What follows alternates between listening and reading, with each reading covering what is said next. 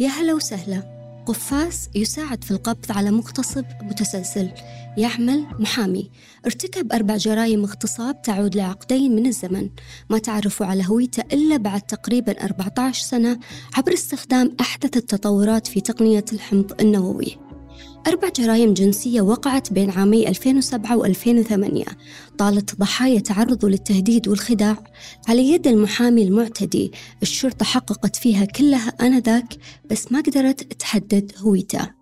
الجريمة الأولى وقعت في عام 2007 امرأة وهي تدور على سيارتها التقت برجل اعتقدت إنها تعرفه وعرض إنه يوصلها. وفجأة طلب منها الصمت هددها بالقتل ووسط خوفها اغتصبها. الجريمة الثانية وقعت في أواخر العام نفسه 2007 امرأة طالعة من مقهى ركبت سيارة رجل معتقدة أنها سيارة أجرة وعطتها عنوان سكنها بعدها استل السايق السكين وهددها واغتصبها. الواقعة الثالثة في منتصف عام 2008 اقترب رجل من امرأة ووعدها بمبلغ من المال بشرط أنها ترافقه إلى منطقة أخرى ثم هددها بمسدس واغتصبها.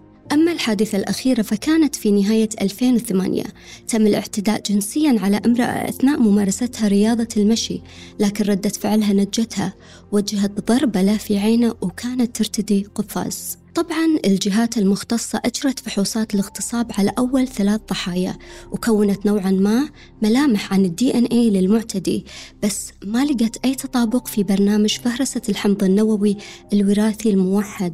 هذا البرنامج عبارة عن قاعدة بيانات للدي إن اي تستخدم لإنفاذ القانون. ومن ذاك الوقت وحتى العام الماضي 2022 يعني بعد مرور قرابة 14 سنة لقت الشرطة أدلة جديدة في القضايا. الأدلة لقيتها باستخدام تبرع بقيمة 2.5 مليون دولار من إحدى المبادرات المتعلقة بأدوات الاعتداء الجنسي. تحركت أجهزة الأمن وراجعت حالات الاغتصاب اللي حصلت خلال عقد الألفية الأول وسجلت ضد مجهول واستخدمت بذلك تقنيات حمض نووي جديدة تعرف يعرف بعلم الأنساب الجيني الاستقصائي الجنائي لدفع التحقيقات قدما. لما استخرجوا الحمض النووي من اختبارات الاعتداء الجنسي الأساسية بدأت الشرطة تبحث عن مشتبه فيهم وقدروا يحددون في نهاية المطاف المشتبه به المحامي. بدأت مراقبته لقوه يمسك بكوب في حفل وتمكنوا من جمع عينة من حمض النووي بواسطة الكوب. لقوا أن الدليل الجنائي متطابق مع الحمض النووي الموجود على القفاز اللي استخدمته الضحية الرابعة أثناء صدها للمعتدي. التطابق جاء مع احتمال يصل إلى 314 مرة بأنه يعود للمحامي أكثر من أي رجل آخر وعليه تم إيقافه كمشتبه فيه. ثلاث تهم وجهت له بالاغتصاب باستخدام العنف وتهمتين بالخطف وتهم أخرى واحتمال يواجه عقوبة تصل إلى السجن المؤبد.